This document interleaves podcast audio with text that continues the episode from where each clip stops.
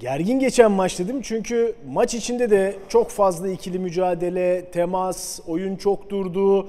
E, hakeme çok itirazlar oldu ve tam bitişte de bitiş düdüğünden sonra da bir Ankara gücü taraftarının sahaya girip Beşiktaşlı futbolcuları uçan tekme tam atabildi mi yoksa atma girişiminde mi bulundu yani? Yani ben burada- temas Değil mi? Vardı. etti diye gördüm. Evet, evet. Ee, yani nereden başlamak, nasıl girmek lazım bilmiyorum Çok ama. gerginiz ya. E, çok- Genel olarak çok gerginiz. Ya genel- Zaten bir de bu hafta yaşanan olaylar, E, tabii. federasyon Yani. binasına silahlı saldırı, Galatasaray adasına kurşunlanma, e, maçlarda da tansiyon hep çok yüksek ama gerilim üzerine bu. Kurulu. yani işte hem federasyonun e, bir silahlı saldırıya uğraması üzerine yani ne olursa olsun bir futbolcunun e, saha içinde bir taraftarın saldırısına Evet. uğraması bunlar e, kısa süre arayla bir hafta içerisinde çok kabul edilebilir şeyler değil. E, maç öyle bir maç oldu ki yani ortaya çıkan bu gerginliklerin e, aslında e, futboldan çok bağımsız bir ortamda, atmosferde gerçekleştiğini de söylemek gerekebilir. Çünkü gerçekten e, birazdan belki biraz daha detaylı konuşuruz ama sahada Tabii. futbol anlamında bir şey yoktu bugün 90 dakika itibarıyla. E, tam bir kaos e, mücadelesi. Her sezon yani şampiyonluk adayları böyle birkaç maç oynarlar. Evet. Ama e, yani sahadaki takımlardan, oyuncuların tavırlarından ziyade hakeminden işte federasyonuna, genel yönetimine e, bu bir hafta içerisinde olanlar sanki e, erken bir müdahaleyi gerektiriyor olabilir. Evet, belki erken uyarı. Ciddi uyarılar. E, çünkü maçta da gelmedi. Bazı uyarılar gelmedi. Yani maçın başında e, mücadelenin gerginliğe gideceği az çok belli olmuştu. Mesela faul sayılarından çok faulü başladı başlangıç mücadele. E, hakemin dahi o- uyarıları geç yaptığını ya da yapmaktan imtina ettiğini gördük. Yalnız Yani orada bu da biraz artırdı sanki gerginliği. Evet ya biz genelde hep saha içinde kalıp teknik ve taktik analizler yapmaya çalışıyoruz ama orada Hugh Dallas geçtiğimiz hafta içinde çünkü bu e, bundan önceki bu hafta oynanan diğer maçlarda da tartışma konusu oldu. E, Sarı kartların fazla çıktığını düşündüklerini söyledi. Bunu canlı yayında dile getirdi. Belli ki bunu hakemleri de söylüyorlar. Öyle olunca da bu sefer maçlardaki bu ikili mücadele ve temasın sertliğinin dozu biraz arttı. Çünkü kart görmedikçe, e, hakem kart göstermedikçe bu sertlik biraz daha artıyor. Hani Tabii burada ki. herhangi bir takımdan bağımsız söylüyorum bunu. E, bu kararın herhalde tekrar gözden geçirmesi gerekecek. Şimdi gelelim maça. Şimdi Beşiktaş'ı birkaç haftadır çok övüyoruz. Çok yüksek tempolu oynuyor. Rakibine alan vermiyor. Belki son 20 dakikalarda 30 dakikalarda problem yaşıyor diye. Ama maç başlangıçları hep çok güçlüydü Beşiktaş'ın. Bu maç öyle olmadı. Ee, işin doğrusu yani 29. dakikaya gelindiğinde ki Ankara gücü 26. dakikada 1-0 öne geçti. Gerçi o da Ankara gücünün ilk şutuydu. Tabii. Ee, 29. dakikada Beşiktaş'ın bir şutu vardı sadece. Neden Beşiktaş o yüksek tempolu üretken başlangıcını yapamadı sence bu karşılaşmada?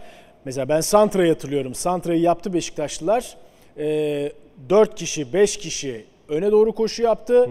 Top Masuaku'ya geldi. Masuaku uzun oynadı ve Beşiktaş hemen orada baskıyı kurdu. Aslında Beşiktaş daha önceki planlarından farklı bir planı yoktu bu maç içinde. Ee, evet öyle ama e, topla muhtemelen yapmak istediklerini yapamadıklarını ya da yapamayacaklarını erken fark ettiler. Ee, bunda zemin bir faktör. Ee, Ankara gücünün ana planı muhtemel faktörlerden biri.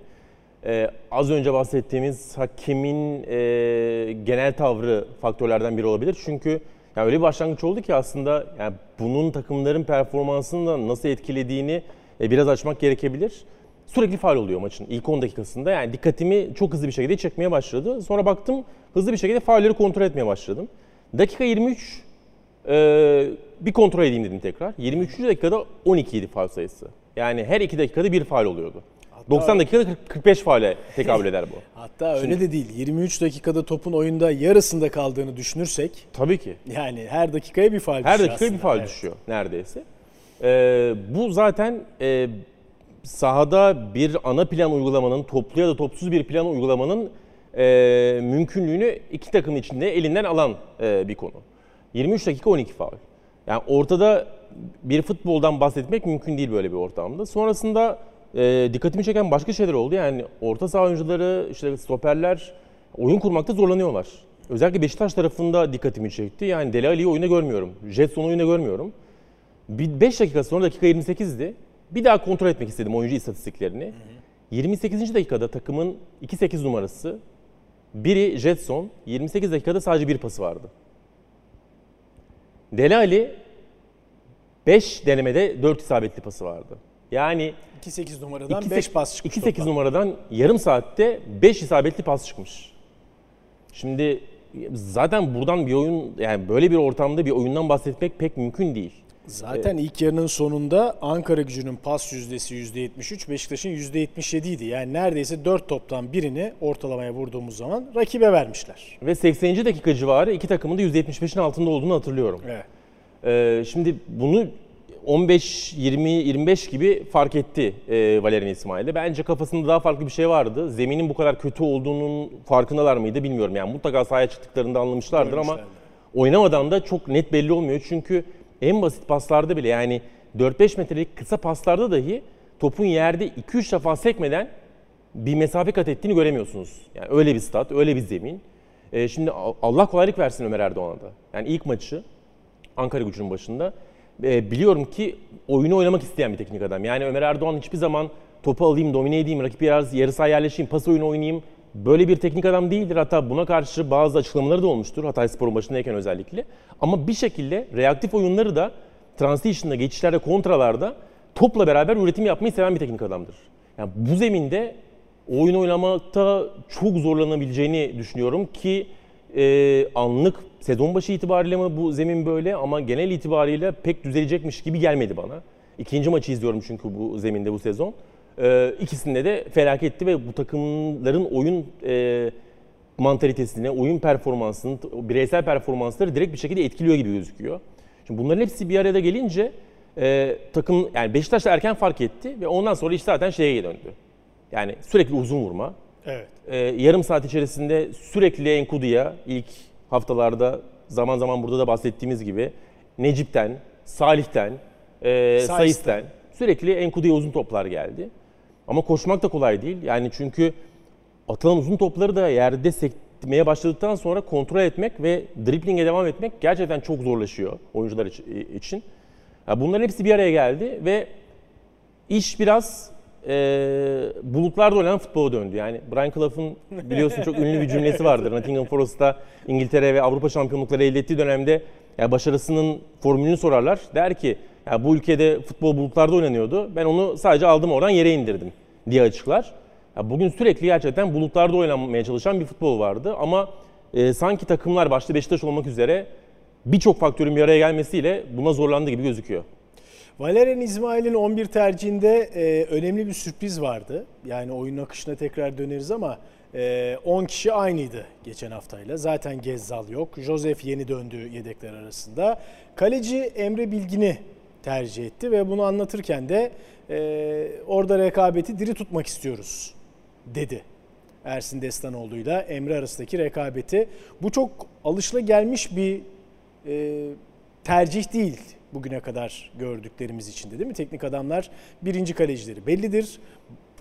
Gerçi birinci kalecisi belli olmayıp da e, şampiyonluklar yaşamış takımlar da oldu. Yani işte Fenerbahçe'nin aklıma geliyor e,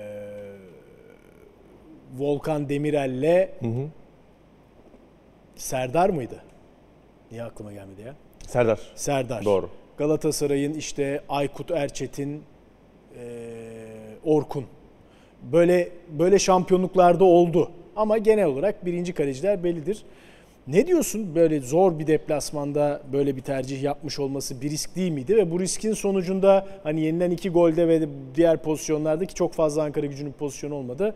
Sence Emre'nin varlığı bir e, negatif bir durum yarattı mı Ersin'e kıyasla? Ya emin değilim. Yenen iki golde net bir kaleci hatası gibi gelmedi bana. Evet. Ee, ama iki golde çıkarılamayacak e, toplar mıydı? Ondan da çok emin değilim. Yani kalecilik gerçekten başka bir uzmanlık alanı. Ee, o yüzden kalecilerle ilgili konuşurken ben hep böyle dikkatli olmaya e, çalışırım. Ama daha iyi, daha erken, daha çabuk reaksiyonlarla belki çıkarılabilecek pozisyonlar olabilir. Yani bununla alakalı bir kaleci antrenörünün söyledikleri tabii ki çok daha değerlidir. Ee, o yüzden bunu ekstra belirtmekte e, sıkıntı görmüyorum kendi açımdan. E, Ama şöyle bir şey gördüm. Söylediğin konuyla alakalı ki o önemli bence. Bir istatistik gördüm maçın içerisinde. E, bu sez maçta Ankara Gücü'nün kaleyi tutan iki tane şutu var. İkisi de gol oldu. İkisi de gol oldu. Bu Aynı sezon 5 hafta itibarıyla Beşiktaş kalesini tutan 12 top olmuş. 5 haftada. 7'si gol olmuş. Yani eee, Beşiktaş kalecilerinin kurtarış oranı %42-43 civarı demek oluyor bu. 5 hafta için çok çok düşük bir oran. 5 hafta olduğu için örneklem sayısı çok düşük. Bir şey ifade etmez. Ama orası için yani bir uyarı olduğunu da gösteriyor olabilir. Belki de aslında rekabetten daha fazlası var burada bu tercihin altında. Muhtemelen e, Ersin, de, evet, Ersin Yasinoğlu'nun performansından çok memnun olmamakta e, bu hamlenin altında yatan nedenlerden biri gibi gözüküyor ama şu çok değerli. Yani Valerian İsmail gibi genç bir teknik adamın, yabancı bir teknik adamın gelip 5. hafta 18 yaşında genç bir Türk kaleci, yerli kaleciyi kaleye koy- koyması bence çok değerli. Çünkü yabancı teknik adamlar işe biraz şöyle bakar, pragmatistlerdir Evet. e, risk almak istemezler. E, o yüzden alınan bu tarz erken riskler bu böyle teknik adamlardan olduğundan iki kat üç kat daha değerli geliyor bana.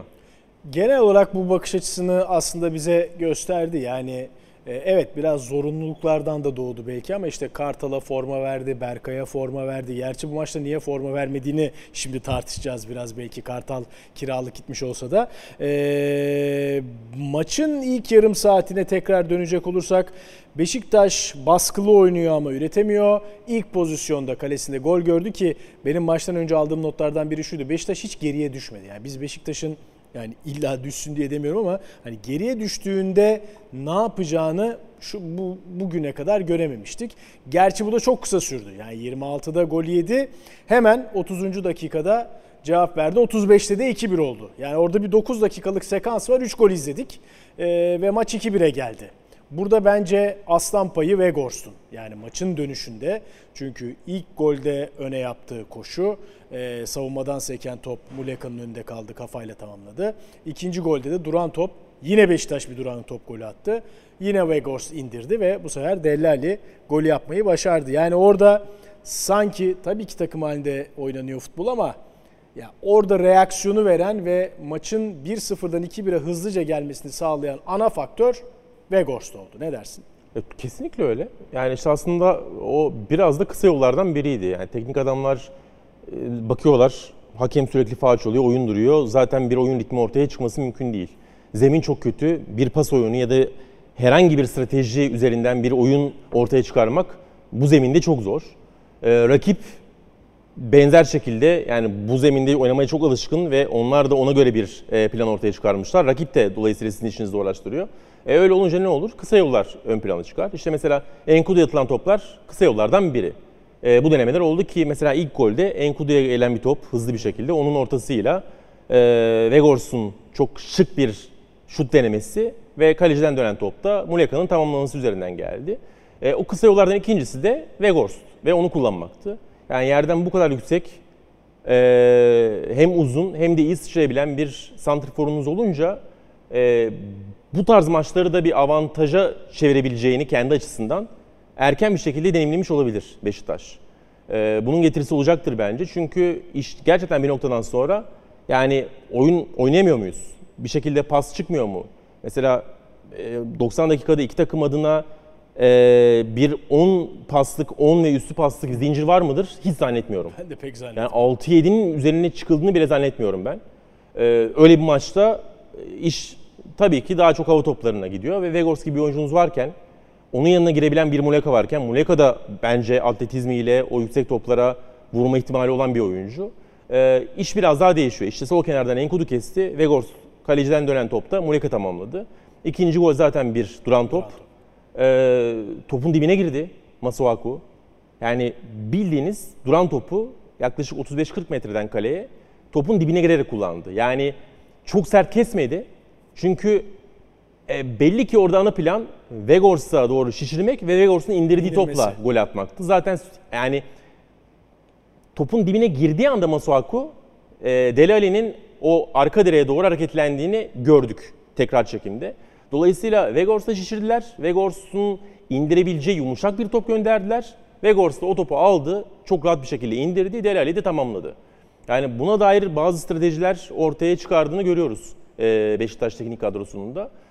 Şimdi Galatasaray, Fenerbahçe, Trabzonspor özellikle Cornelius'un gidişiyle birlikte bu tarz avantajlarla çok sahip değiller gibi gözüküyor kadroları itibariyle. Çünkü dediğim gibi yani sadece Ankara gücü deplasmanı değil bir sezonda 38 ya da işte 36-34 maç oynayacaksa bu takımlar mutlaka 4-5 maç böyle oyun oynanamayan ana planınızı ortaya koyamadığınız maç atmosferlerine, maç durumlarına ya da işte e, gidişatlarına gidebiliyor e, bizim ligimizde. Öyle bir ortamda hem Vegors hem Muleka'ya sahip olmak çok değerli. Mesela Fenerbahçe Batshuayi'yi aldı. Batshuayi'nin hava topları çok iyi değildir. Evet. Tam tersine tam tersini düşünen bir kesim olduğunu biliyorum. Ama istatistikler de o yönden çok kuvvetli bir oyuncu olmadığını gösteriyor. Ener Valencia iyidir ama mesela Batshuayi sonrasında Ener Valencia'yı da ana planda ilk 11'de görebilecek miyiz? Ondan çok emin değilim. Geriye zaten Joshua Pedro, Joshua King ve Joao Pedro kalıyor. E, Galatasaray'da Mertens zaten çok küçük bir oyuncu. Sadece Seferovic var. Belirli oranda hava toplarına hakim. Cornelius gitti Trabzonspor'da. Orada bir problem ortaya çıkabilir.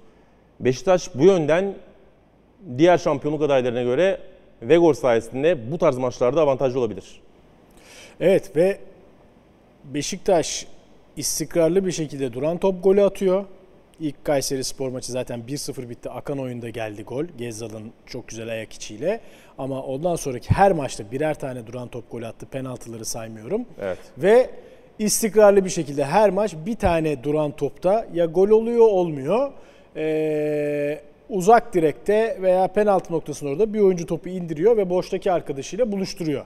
Mesela Karagümrük maçıydı galiba. Bu sefer başkası indirdi. Vegors altı pastan golü atamadı. Bir Doğru. soru var. Ee, belki biraz daha konuları açar. Tabii oyuncu değişikliklerine de geleceğiz. Ee, özellikle son bölümdeki oyuncu değiş- değişikliğini biraz daha tartışmamız gerekecek gibi görünüyor ama ikinci yarıdaki oyuna da bakacağız. Serhat Can Orgun, Beşiktaş'ın değişikliklerini ve yapıldıkları da, yapıldığı dakikaları doğru buluyor musunuz? O zaman değişiklikler nelerdi ona bakalım ama ona gelirken oyunun sürecine de bakmak lazım. Şimdi ilk yarı Beşiktaş çok hızlı bir reaksiyon verdi. 2-1'e getirdi ve hemen ikinci yarının başında golü yedi. Evet. Golü yedikten sonraki reaksiyonunu ben biraz yetersiz buldum Beşiktaş'ın. Ne dersin? Doğru ama ya dediğim gibi ya bu Oyun maçın- oynanacak bir ortam yok Ya bu diyorsun. maçın herhangi bir anı için toplu topsuz kon yani 90 dakika boyunca bir takımdan net, mantıklı, olgun bir set oyunu görmedik. Evet. 90 dakika boyunca bir takımdan kaliteli bir geçiş ya da bir kontratak görmedik. Şimdi hal böyleyken e, takımların oyun içi reaksiyonları 10 dakikalık 15 dakikalık periyotlarıyla alakalı keskin yorumlar yapmak da bana biraz zor geliyor. Zorlaştırıyor işi. Zorlaştırıyor işi. Evet ya buradaki ilk oyuncu değişikliği neydi? Ee, Ee, Joseph Beşiktaş'ta Joseph girdi, Dellali çıktı. Evet. Yani hatta yapalım istiyorsan onu, o değişikliği. Burada Dellali çıktı. Joseph bu arada Joseph de Kasım'da dönecek falan deniyordu. Maşallah hemen döndü. Joseph girince ne oldu? Salih. Şuraya geçmemiz lazım. Evet doğru. Sen benden artık daha tecrübelisin. Salih asıl pozisyonuna daha çok alıştığı pozisyona geldi. Joseph de geriye. Zaten bu değişiklikten çok değil birkaç dakika sonra da penaltı oldu. Yani bu değişikliğin oyuna net bir yansımasını göremedik. Göremedik ama yani yapmak istediği belli gibiydi e, Valerian İsmail'in. Ya bu arada şunu söylemem gerekir. E, ciddi bir sakatlık. Senin belirttiğin gibi Evet. daha uzun sürmesi beklenen bir sakatlık. Dönüş maçı böyle bir zemin, böyle bir e, yani sürekli kontak olan, sürekli faul olan, sürekli ikili mücadelenin ortaya çıktığı bir maçta Josef'i sahaya atmak da Biraz riskli miydi? biraz riskli olabilir ama mecbur kalmış olabilir aynı zamanda. Çünkü e, sürekli kontak var, sürekli ikili mücadele var. Delali ve Salih'le biraz zayıf kalıyorsunuz orada. E, dolayısıyla son yarım saatte artık oyuncular da biraz yorulmuşken muhtemelen Jetson'un yanına bir tane daha atlet, bir tane daha tutucu, yani bir tane daha fizik gücü yüksek oyuncu atmak istedi diye düşünüyorum Valerian İsmail. E, bu yüzden aldı gibi geliyor bana Josef'i. Ee, o da sıkıntısız bir şekilde maçı bitirdi. Bu arada şimdi Kerem Açıkbaş bir not veriyor. Hani programın açılışında dedik ya maçın eee, sonunda bir taraftar sahaya girdi, Beşiktaşlı futbolculara saldırdı. Josef o taraftara müdahale ettiği için tabii biz o genel kamerada kaosu gördük ama ayrıntıları çok iyi göremedik. Kırmızı kart görmüş. Yani Josef eee haftaya cezalı olacak. Oo. Evet yani o kargaşada, o kaosta taraftara e, müdahalede bulunduğu için Joseph de kırmızı kart görmüş. Evet kurallar bunu söylüyor. Yani size saldıran biri varsa bile Tabii. bir karşılık verirseniz bunun cezası kırmızı kart oluyor. E, ama gerçekten de yani atmosfer Nasıl cezalar çıkacak bilmiyoruz. Başka oyuncular Evet, karıştı mı? çok futbol oynamaya uygun bir atmosfer değildi. Çok sürekli sahaya e, şişeler atıldı, sakatlanan futbolcuların üzerine de kendi futbolcularına da geldi Ankara Güçlü futbolcuların bu arada. Yani e, taraftarların attıkları. Birinci değişiklik buydu. E, sonlara doğru bir hamle daha geldi. E, 84. dakikada İki oyuncu değişikliği. Evet, iki oyuncu değişikliği geldi. Orada kim çıktı? Jetson sakatlandı, sakatlandı. çıktı. Ee, onun yerine Umut Meraş girdi. Sen al Umut oyuna. Ve bir değişiklik Enkudu daha çıktı. geldi. Enkudu çıktı. Cenk Cenk, girdi. geldi. Ama Cenk oyuna girdikten sonra 84. dakikada şöyle bir diziliş oldu. Weghorst, Cenk Weghorst'un yanına gitti. Umut sol öne geldi.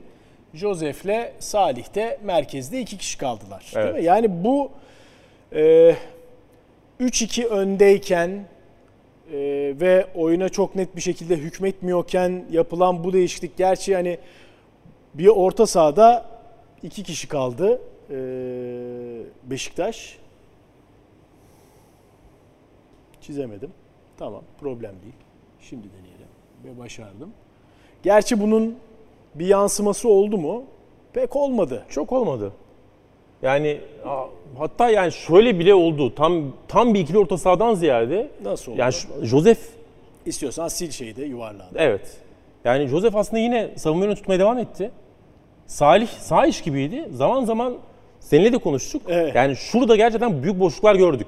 Ee, Cenk Vegors'un yanına girdiğinde. Çünkü toplu oyunda biraz da muhtemelen Vegors'un yanında ikinci bir oyuncu, ikinci santrforla beraber atılan uzunları daha iyi tutarım mı düşünmüş olabilir Valerian İsmail. Çünkü üçüncü bir orta saha için alabileceği iki oyuncu vardı kenarda. Evet. Berkay ve Kerem Atakan Keskin. Ki Berkay'ı 11'de oynattı. Evet. Kerem'i geçen hafta oyuna aldı. Ama fizik kalitesi düşük olan oyuncular, atletizm olarak düşük olan oyuncular böyle bir maçta son 10 dakika sahaya girip ısınana kadar e, onlardan verim alamayacağını düşünüp hem bir tecrübeli hem fizik kalitesi olan hem işte yani sırtını rakibe koyup topla rakibi arasına girdiği zaman o topu tutabilecek bir oyuncuyu muhtemelen tercih etmek istedi. Zaman zaman zaten Cenk'i de yani e, gelmeye çalıştığını ve burayı topsuz oyunda özellikle doldurmaya çalışırken de gördük. Yani yarım orta saha, yarım forvet gibi e, oynadı. Ben e, yine yedek kulübesinin zayıflığına bağlıyorum bu değişikliği. Normal şartlarda çünkü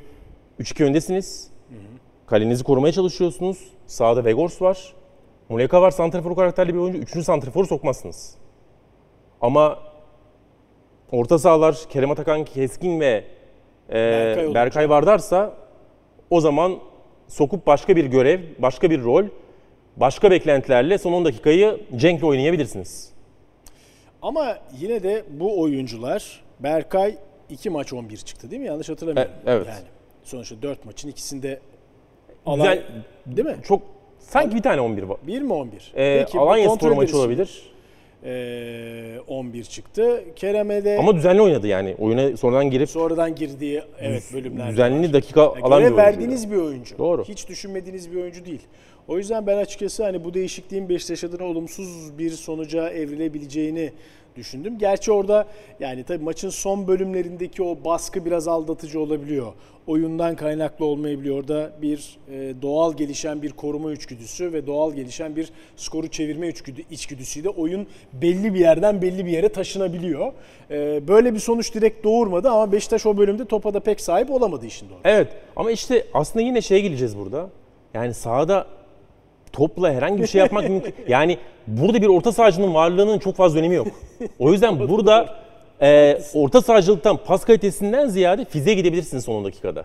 O yüzden ben Cenk'i Çok mantıksız görmedim. Hatta kendi içinde mantık barındıran bir hamle olduğunu bile düşünüyorum. 10 dakikalık bir periyod için ama. Evet peki. Ee, istiyorsan geçelim dediğin gibi tahtada çok fazla bu maç analizini yapacağımız, e, detayına bakacağımız çok fazla konu yok. E, tabii Muleka'nın ilk maç performansı Kayseri maçı oyundan çıktı. E, Gezzal sakatlandıktan sonra mecburen takıma girmiş gibi gözüktü ama Enkudu'nun sol kanattaki üretkenliğiyle Muleka ve Gorst'u iyi tamamlayan bir ikinci forvet görevini bu maçta da gösterdi. Kesinlikle yani sağa geçtikten sonra o Vegors'un yanına girip ceza sahasını karıştırma, orada sekenleri alma, Vegors'un indirdiklerini toplama gibi işleri yapıp daha fazla gol atan ve daha fazla iş yapan bir oyuncu gibi gözüküyor. Ama şunu da söylemek gerekebilir. Daha ikinci maçı sağ önde özellikle ve çok fazla Vegors'un yanına giriyor. Dolayısıyla aslında sağ kenarı biraz boş bırakıyor. Bunu kullanacak rakipler olacaktır. Rozier'in üzerine iki oyuncuyla gidecek rakipler olacaktır. Bir etkili bir sol beke karşı Muleka'nın o sol beki ne kadar takip edeceğine bakmak lazım. Rozier'e ne kadar yardım edeceğine bakmak lazım bu rolde. Ee, o yüzden hem Rozier'in zaman zaman üzerindeki savunma baskısı artabilir Muleka ile birlikte. Hem de onun yardım yapamadığı ya da onun rakip bekle gelemediği anlarda sağ iç yani mesela şu anda sağda gözüken Salih Uçan ya da işte o anda takımın Kim sağ içi varsa. kimse e, o oyuncunun zaman zaman Rozier'e yaklaşması ve Muleka'yı biraz daha önde bırakabilmek için farklı çözümler topsuz oyunda ortaya çıkarması gerekebilir Valerian İsmail'in. Yani iki maç 3 gol hiç fena değil sağ önde. Ama bir de daha tehlikeli oradan oradaki Muleka'nın varlığını kullanacak rakipleri e, ve ona karşı gösterilecek reaksiyonları da görmek gerekebilir. E, Vegorst'u e, çok övdük özellikle 1-0'dan 2-1'e geçişte. Üçüncü pena, ya penaltıda da ciddi bir şekilde penaltıyı istedi. Evet. Kulübeye tepki gösterdi. Oyunculara tepki gösterdi biraz. Evet biraz oyunculara tepki gösterdi. Ama Enkudu vuruşu yaptıktan sonra sanki o tepki gösteren Aynen. Vegors değilmişçesine ilk Enkudu'ya koşup sarılan da kendisi oldu. E, penaltı yüzünden sorun çıkaran birçok oyuncunun yapmadığı bir şey bu. Ve çok değerli o yüzden. Çok enteresan bir sahiplenişi var gerçekten Beşiktaş'ın. Çok acayip. Çok acayip. Ee, yani Beşiktaş taraftarı onu çok etkiledi muhtemelen. Vodafone Arena'nın atmosferi çok etkilemiş olabilir. Beklediğinden daha farklı bir ortam bulmuş olabilir Türkiye Süper Ligi'nde. Her ne kadar bu maç o yönden bazı böyle Hayal kırıklığına uğramıştır. olsa da. Eyvah ben ne yapıyorum burada? Çünkü yani maç sonu yaşadıkları da evet doğru. bir travma ortaya çıkarmıştır özellikle yeni oyuncularda e, Beşiktaş'ta. Ama ortaya koyduğu şey gerçekten çok değerli. Bir kere yani net bir şekilde şu anda ligin en etkili santrforu ilk 5 hafta itibarıyla. Ve bunun yanında sahiplenişle birlikte ya oyuncunun bir karizması da var. Bu Evet. karizma bence Beşiktaş taraftarlarına ve oyunculara da geçiyor. Rakiplere de geçiyor biraz. Ee, yani bir ışığı var Vegors'un. Ve bundan ben Beşiktaş'ın faydalandığını, uzun vadede de faydalanmaya devam edeceğini düşünüyorum. Beşiktaş belki bugün daha önceki iki haftaya kıyasla Alanya maçının ilk yarısına kıyasla e, üretim konusunda gerideydi. E, pozisyona girme konusunda gerideydi. Organize olma konusunda gerideydi. Ama yine enerjisi yüksek bir Beşiktaş izlediğimizi söyleyebiliriz değil mi? Ve galiba hani dalgalanmalar olacak. İyi oynadığı, belki bazen kötü oynadığı maçlar olacak ama hani şunu görebiliyoruz. Hep enerjisi yüksek bir takım izleyeceğiz galiba. Artık buna e, kanaat getirebiliriz diye tahmin ediyorum. E öyle yani ön üçlü yani Vegors, Muleka, Enkudu sürekli basıyorlar. Orta saha Josef'in yokluğunda bir soru işareti. Mesela Dele Ali bugün golü attı ama sahada pek var mıydı Pek yoktu. emin değilim. Ee, ki çok zor bir şeydir. Yani zaten son dönemde çok fazla oynamamışsınız. Maç ritminiz yok. Fizik kondisyon olarak çok iyi durumda olmayabilirsiniz. Böyle bir ortamda ikinci maçın Ankara gücü deplasmanında böyle bir 90 dakika ve böyle bir zemin çok zor bir oyuncu için. Ee, o yüzden mesela onu biraz daha erken aldı son yarım saate gelerken. İlk çıkan o oldu. İlk çıkan o oldu. Ee, hem Salih hem Dele Ali böyle bir üçlü orta sahada, böyle bir maçta, böyle bir deplasmanda çok kolay değil.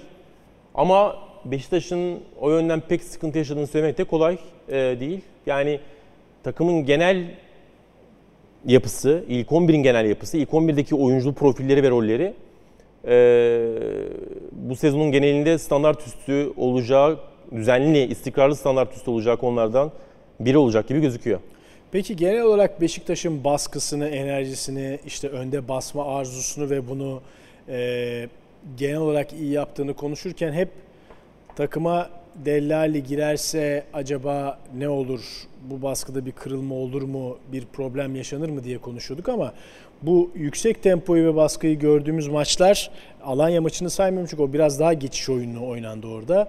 Raşit Gezzal'sız maçlar oldu aslında. Şimdi hem Raşit Gezzal'ın hem Dellali'nin olduğu formülde bir ilk 11'de aynı bu yüksek şiddetli baskıyı yapmak e, Zorlaşır. zorlaşır değil mi? E çünkü yani şimdi e, Pres'in ön hattı kimlerden oluşuyor? Az önce saydım. Vegors, Muleka, Enkudu. Üç de büyük atlet. Evet. Üçü de çok yere sağlam basan.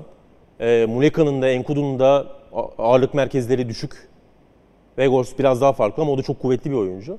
Şimdi böyle bir üçlüdense o üçlünün birinin Gezel olduğu bir ortam bir problem. Ha, Gezel'in ilk 11'e yerleştiği denklemde Salih ve Deli Ali'yi mesela kaldırmayabilir. O yüzden mutlaka Josef'e ihtiyaç olacaktır. Josef Jetson ikilisine mut- mutlaka ihtiyaç olacaktır. E, o yönden yani bir yerden verirken mutlaka Valerian İsmail'in bir yerden de alınması lazım.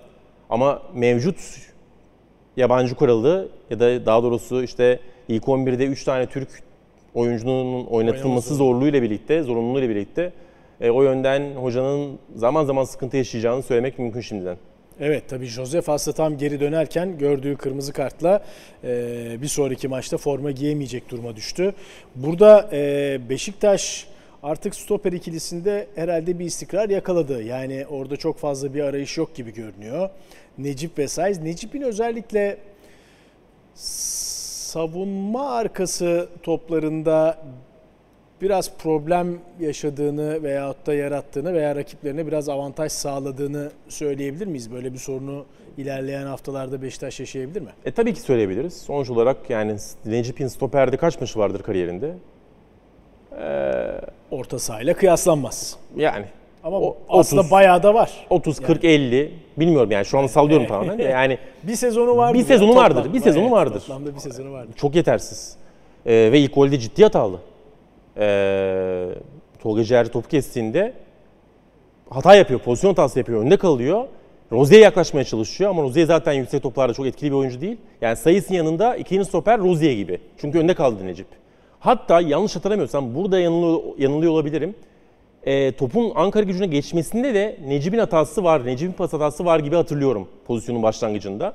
Yani hem topu kaybeden hem de o orta esnasında yerini kaybedip pozisyon hatası yapıp e, rakibin kafayı çok daha rahat vurmasını sağlayan oyuncu Necip. Yani dolayısıyla ilk golde direkt bir şekilde aslında senin belirttiğin sıkıntıyı yaşadı. E, orta ve uzun vadede tabii ki o yönden sorunlar yaşayacaktır ama e, Emre Can'ı da bir noktada ben roman sayısı iki sol ayaklı olmasına rağmen deneyeceğini düşünüyorum hocanın.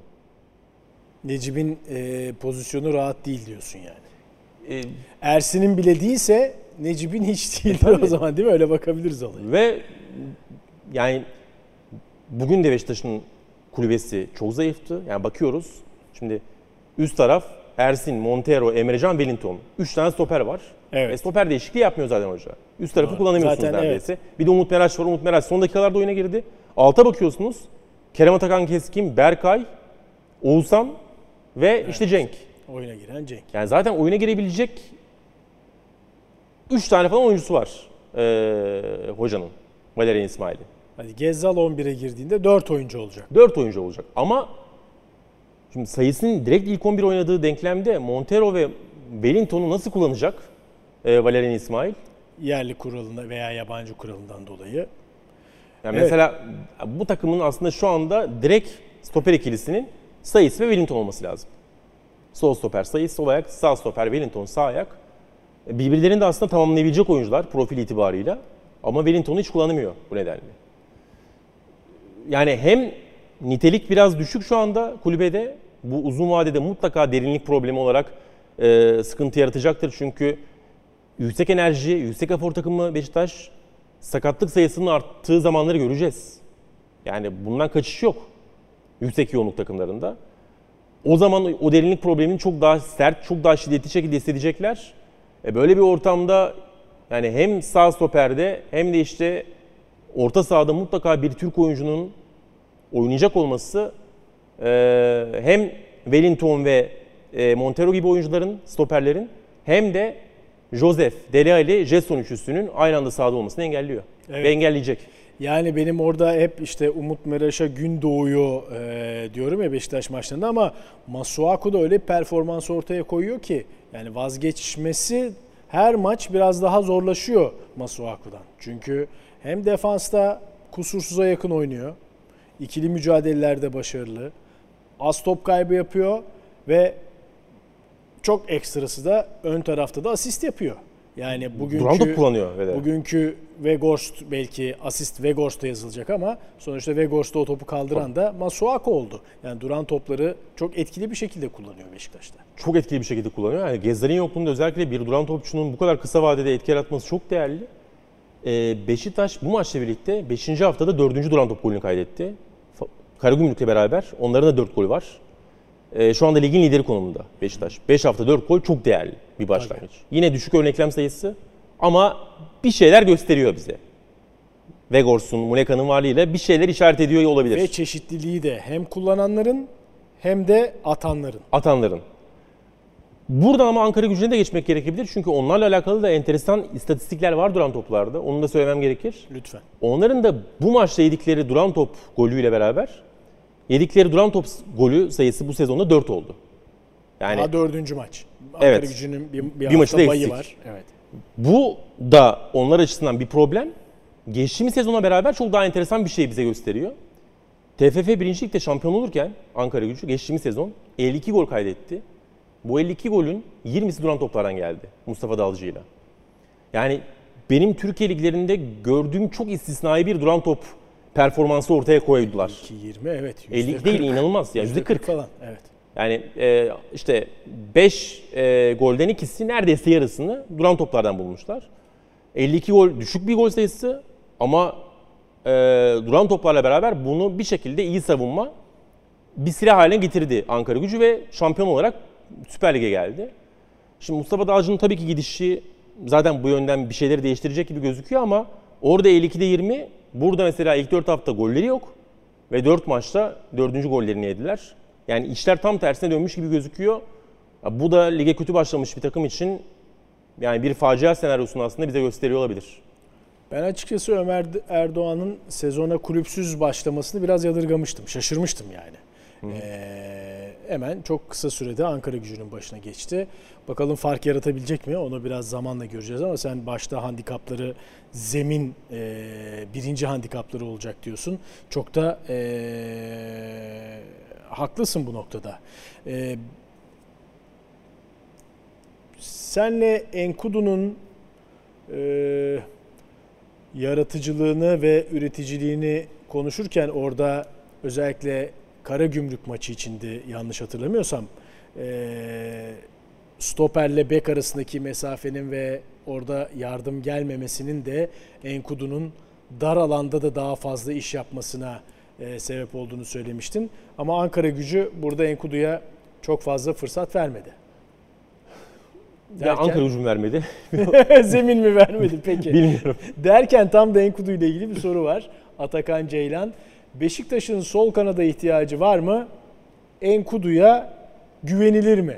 Yani güvenilirden kasıt herhalde hani bütün sezon boyunca Enkudu ile bu sol kanadı götürebilir mi Beşiktaş? Veyahut da izleyicimiz hakikaten güvenmiyor. Yani bu olumlu performansının devam etmeyeceğini düşünüyor ki aslında daha önceki yani Beşiktaş'taki daha önceki kariyerinde evet çok inişli çıkışlı ve dalgalı bir performansı vardı ve bu soruyu sormakta da Atakan Ceylan haklı. Ama bu sezon başı itibariyle şu ana kadar e, güvenilir bir oyuncu izlenimini veriyor Enkudu. E, Tabii ki öyle ama elbette arkasını desteklemek gerekebilir. Yani Beşiktaş yönetiminin artık direkt oynayabilecek ya da direkt böyle e, yedeklik yapacak bir olgun oyuncu alacağını zannetmiyorum ben Enkudu'nun arkasında ama biliyorsun işte bir 21 yaş altı kuralı var. Evet. Artı 3. Her takım bence 21 yaş civarı ya da 21 yaş altı e, bazı pozisyonları yedekleyebilecek oyunculara bakıyorlar. Öyle bir yedeklemesi yapılabilir ama çok ihtiyaç var mı ondan da çok emin değilim. Çünkü sağa Gezzal'in geleceğini düşünürsek Tamam. e, Muleka biraz boşa çıkıyor gibi gözüküyor. Boşa çıkmasa da sola geliyor gibi gözüküyor. Yani aslında Enkudu'nun başka bir nevi yediği Muleka. Evet ama başka kenar oyuncusu da pek yok. Bütün Yok. kadroyu düşündüğümüzde. Kenan'ın gidişiyle birlikte eee, orada hani hani her pozisyona en az ikişer oyuncu şeyi vardır ya şiarı. Eee, orada Beşiktaş kanatlarda kaç kanat oyuncusu var? Muleka, Enkudu, Gezzal. Dördüncüsü var mı? Yani şimdi mesela bu maçta Umut Meraş öne girdi. Ön tarafta. O yüzden sanki her halükarda bir kenar oyuncusuna ihtiyacı var gibi. görünüyor. Olabilir. Cenk'i kullanabilir. Sol önde oynamıştı çok var Evet, Cenk'in. doğru. Ama evet yani topla beraber e, gidebilecek. Yani topla beraber pas verebilecek Gezzal. Topla beraber dribbling yapabilecek Enkudu. Sadece iki oyuncusu var. Biri sol kenar, biri sağ kenar. En azından ikisinden birini benzer işleri yapabilecek bir oyuncuyla yedeklemek uzun vade için lazım olabilir. Çünkü az önce konuştuk, her hafta konuşuyoruz.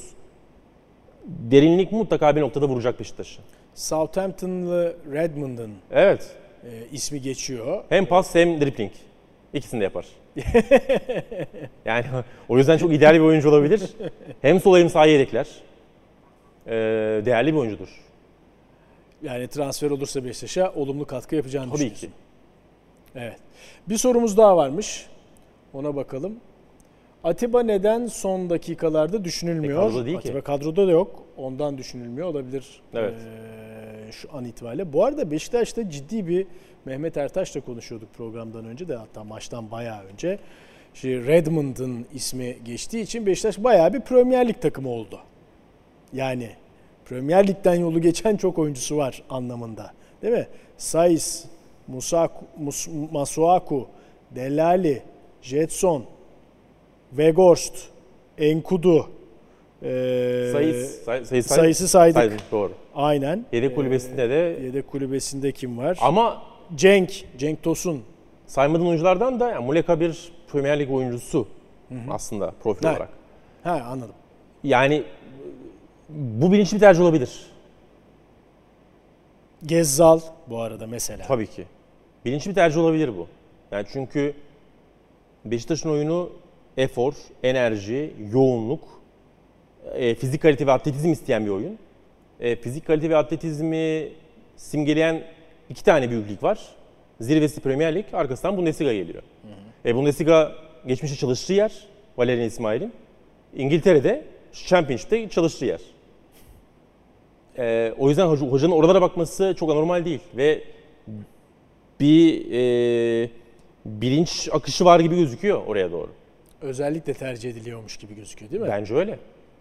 Bu kadar fazla olamaz çünkü yani mesela e, Delali'nin geçtiğimiz hafta ilk 11 başladı.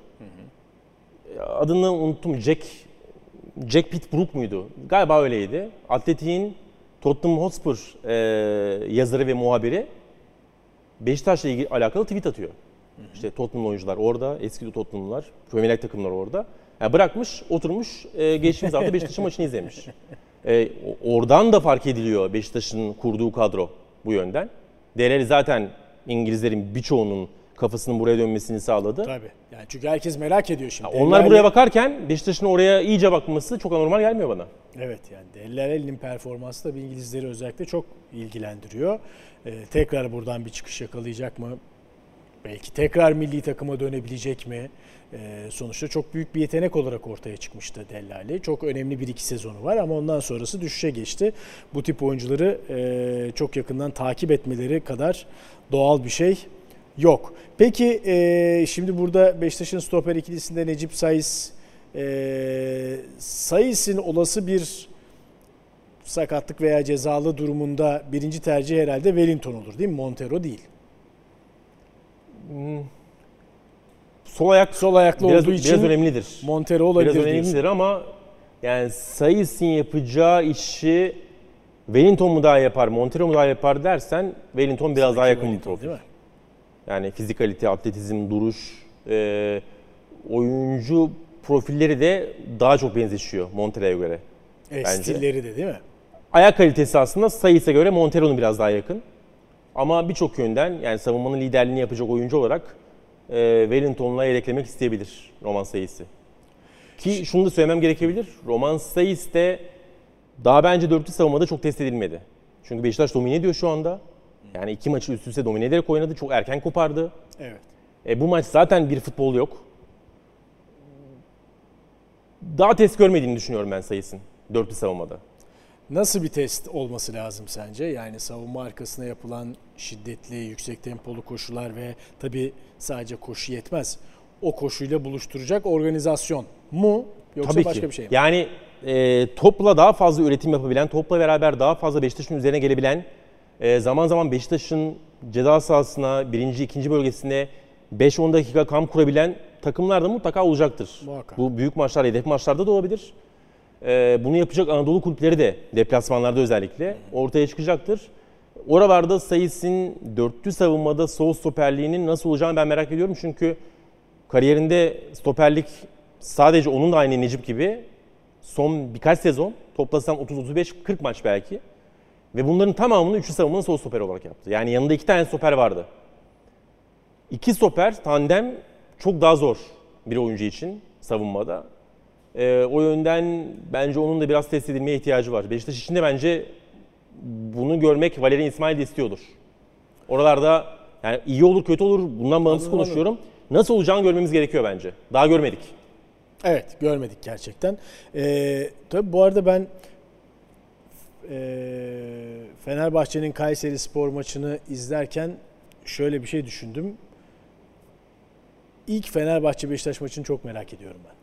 Tabii her derbi çok değerlidir, kıymetlidir. Galatasaray Beşiktaş eşleşmesi, Galatasaray Fenerbahçe eşleşmesi evet. Ama özellikle bu kadar yüksek enerjiyle oynamaya çalışan iki takımın maçından nasıl bir şey ortaya çıkacak? Ben çok merak ediyorum. 15 gün sonra yok 15 gün değil. Çünkü haftaya lig var. Ondan sonra bir milli maç arası geliyor. Evet. 20 gün sonra göreceğiz galiba bu cevabını. ben de çok merak ediyorum. Çünkü çok doğru bir noktaya e, temas ettin. Şampiyonluk adayları içerisinde enerji, efor olarak diğer takımlara ciddi fark attılar ilk 5 hafta itibariyle. Yani Galatasaray zaten teknik kalite, yere yakın oyuncular, e, fizik olarak biraz zayıf, zafiyet. Ama teknik kalite yukarıda. Buradan başka bir şey ortaya çıkması gerekebilir. E, Trabzonspor zaten Abdullah Hoca'yla başka bir oyun tercih etti. pas oyunu. Pas oyunu. Daha yaşlı bir kadro. Evet. Dolayısıyla Beşiktaş ve Fenerbahçe biraz daha farklı duruyor. E, işte o anlamda onların çarpışmasını izlemek de çok keyifli olacak gerçekten. Peki bir böyle bilek güreşi yaptın mı kafanda? Daha erken mi? Erken. Yani işte Josef tam kapasitede oynayabilecek mi? Tabii Fenerbahçe tabii ya. O günkü koşulları bilemiyoruz. Sakatlar, girebilecek mi? Muhtemelen Batshuayi'nin ilk 11 başlayacağı bir maç olabilir. Batshuayi'nin Beşiktaş'la mücadelesi maçın ayrı hikayelerinden biri olacak kesinlikle. Evet. Ee, görmek lazım ama iki takımın da farklı yönlerden avantajları olacak bence rakiplerine. Beşiktaş'ın kenarda özellikle rotasyonda derinlik yapacak, derinlik yaratacak bir oyuncuya mutlaka ihtiyacı olduğunu söyledik. Onun dışında başka bir pozisyon var mı sence Beşiktaş'ın mutlaka derinlik yaratması gerektiğini düşündüğün? Mesela sağ bek pozisyonu olabilir mi? Olabilir. Yani Tabii ki olabilir. Rozier olmadığı zaman kim oynayacak Beşiktaş'ta sağ bekte? Muhtemelen Necip oynayacak. Değil mi? Haydi Necip gel sağ beke. Her yerde Necip. Ee, tüm defeklerine rağmen yani bu yönleriyle gerçekten çok değerli bir oyuncu. Değil mi? E, onu söylemek gerekir bir kere. Yani bugün dediğim gibi ilk golde ciddi hatası vardı. Belki yani Beşiktaş çok çabuk reaksiyon verdi. Çabuk reaksiyon veremezse Ankara ucu tutabilirdi. Arka arka iki gol buldu bir anda maçı kendi lehine çevirdi. Bunu yapamayabilirlerdi ve belki de işte puan kaybında Necip'i bugün biraz daha fazla konuşuyor olabilirdik. Böyle bir maçta bile e, genel kadronun yapısı Necip'in çok farklı pozisyonları yani hem sağ stoperi hem sağ beki hem defansif orta sahayı yedekleyebilen bir oyuncu olması hem Türk olması onu kadro içerisinde çok farklı bir yere koyuyor. Valerian İsmail'in maç sonu açıklamalarına bakalım. Takımı tebrik ediyorum. Zemin bugün çok kötüydü. Zeminle ilgili zorluk yaşadık. Maçın geneli tam bir savaş gibi geçti. Gol yedik, attık, geri dönüşler oldu. Büyük takımlar için böyle zor maçları galip bitirmek çok önemli. Bazı anlarda daha akıllı ve sakin oynamalıyız. Duygu yoğunluğu yüksekti. Taraftarın futbolcuya saldırması kabul edilebilir bir şey değil. Josef'in gördüğü kırmızı kartı da bu anlamda kabul edilemez görüyorum. Takımına aslında yani e, tam bir savaş gibi de evet. Yani biz o kelimeyi çok kullanmaktan biraz imtina ettik ama doğru söylüyor değil mi? Yani bu, bu, bu maçın özeti biraz öyle. E, ama takımına yaptığı bir eleştiri var. E, şu ikinci sayfada galiba bir oraya gelelim. Maçın son Yani bölümünü kastediyor herhalde. Yoğunluk evet bazı anlarda daha akıllı ve sakin oynamalıyız.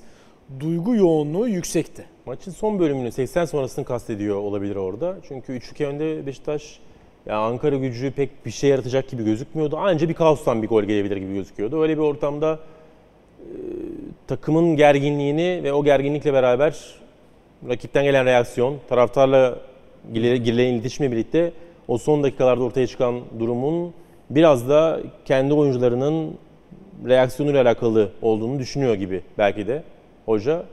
E, çok haksız da diyemeyiz ona. Evet. Tabii enerjisi yüksek bir takım kurmanın bu tip sonuçları da olabiliyor. Yani değil mi?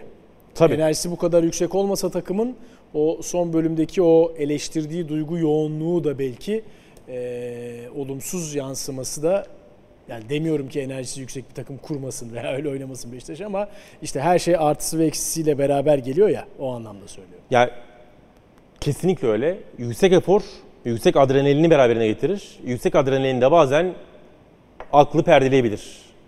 Ee, o yüzden Beşiktaş'ın Tek daha tek- sakin kalması gerekiyor ikinci yarılarda özellikle. Kesinlikle. Tek tek oyunculara bakıyorum yani burada hani oyuncu karakteri olarak acaba işte bu duygu yoğunluğunun, adrenalinin, enerjinin eee, biraz aklı perdelediği işte Rozier'in biraz vukuatları var. Ki bu maçın da son bölümlerinde yine Rozier'in içinde olduğu kaleciyle tartıştığı bir bölüm oldu. Evet. Eee, Zaten galiba şey yani kibriti çakan da o pozisyon oldu. Biraz belki Ondan sonra oldu. kontrolden çıkmaya başladı işler. Evet. Jetson çok öyle değil. Salih hiç değil, değil mi? Ee, Delali zaten değil. Ee, Ya savunma hattı biraz öyle. Roman Sayıs, Rozier, da giderler yani. mi? Onlar çarpışmaya gider. Çekinmezler. Rakiple de e, çarpışırlar. Kendi aralarında da bazen çarpışırlar. Ama takımın genelinin e, Jetson, Salih, Delali, Enkudu, Muleka yani sakin ve niyeti böyle anlarda daha iyi olan bir oyuncu gibi gözüküyor. Çoğunun böyle olması tabii ki önemli. evet, avantaj. Peki biraz Premier Lig konuşalım. Ee, bugünün maçı United'la Arsenal arasındaydı. Ve United Arsenal'ı yenmeyi başardı. Arsenal'a ilk mağlubiyetini tattırdı ki bundan iki hafta öncesine dönersek United'da büyük bir felaket senaryosu ve tablosu vardı. Ne oldu da United bugün ligi ilk dört maçını böyle şaşalı bir şekilde kazanan Arsenal'ı mağlup etmeyi başardı? Ee, ya e, Erik Ten Hag biraz ilk iki hafta yaşadıklarından sonra oyun stilini biraz değiştirdi Liverpool maçıyla beraber. Ee, ben bunun bir faktör olduğunu düşünüyorum. Ee, çünkü daha çok topsuz oyunu özellikle böyle hedef maçlarda ön plana çıkarmaya başladı. Liverpool maçını tamamen topsuz kontra uzun vurup o toplara gidip ikinci topları alıp hızlı bir şekilde e, savunma arkasına geçmeye çalışan bir oyunla oynadı. Maçta galiba %71-%72 topla oynayan Liverpool'du. Maçı kazanmayı başardı. Bugün ilk 10-15 dakika belki de United'ın son 1-2 yıldaki en yoğun e, topa sahip olma oyununu oynadılar. Orada golü bulamadılar. Golü yediler. Şansları yanlarındaydı çünkü iptal edildi Arsenal'in attığı gol. Bir anda atmosferi çok düşürüp morali bozabilirdi. Ondan sonra 1-0 buldular Anthony ile beraber. Ama ikinci yarı ile beraber hem Arsenal'den bir reaksiyon geldi hem de o reaksiyonla birlikte tamamen yine topsuz böyle e, reaksiyon, reaktif oyuna geçti. Liverpool maçına Biraz benzer. ona döndü e, United. Arsenal oyun hakimiyetini aldıktan sonra 1-1 bulmasına rağmen işte bir pas hatası değerlendirdiler. Hızlı hücum, iki passa savunma arkası Rashford gol. Ondan sonra üçüncü gol keza benzer şekilde geldi. Yani şu anda daha çok Erik Ten Hag yoluyla değil de United'ın son 3-4 yıldaki zirve oyunlarıyla e, oynamaya çalışan bir United var gibi gözüküyor ama ne olursa olsun öyle iki mağlubiyetten sonra yarım saatte Brentford'dan 4 gol yiyip Evet. aşağılayıcı bir e, mağlubiyet aldıktan sonra 4 maçlık bir galibiyet serisi ve bunların içinde Liverpool ve Arsenal gibi iyi isim üzerinde takımları e, olması çok değerli e, United açısından. Anthony bugün iyiydi ve takımın mutlaka en azından toplu oyun becerisini, kontra becerisini biraz daha yükseltecek gibi gözüküyor. Daha Casemiro girecek. Lisandro acayip toparladı savunmacılık yönünden. Ama Casemiro ile birlikte Anthony'nin de takıma yerleşmesiyle birlikte muhtemelen biraz daha top odaklı olmaya başlayan bir United göreceğiz. Ama orayı nasıl oynayacaklar? E, onun için biraz zamana ihtiyacımız var gibi. Evet. Peki Emre, teşekkür ederim. Ağzına sağlık. Ee, Beşiktaş'ın Ankara'da 3-2 galip geldiği karşılaşmanın e, değerlendirmesini yaptık, analizini yaptık, e, yorumlarını yaptık. Tekrar Süper Futbol'da görüşmek üzere. Hoşçakalın.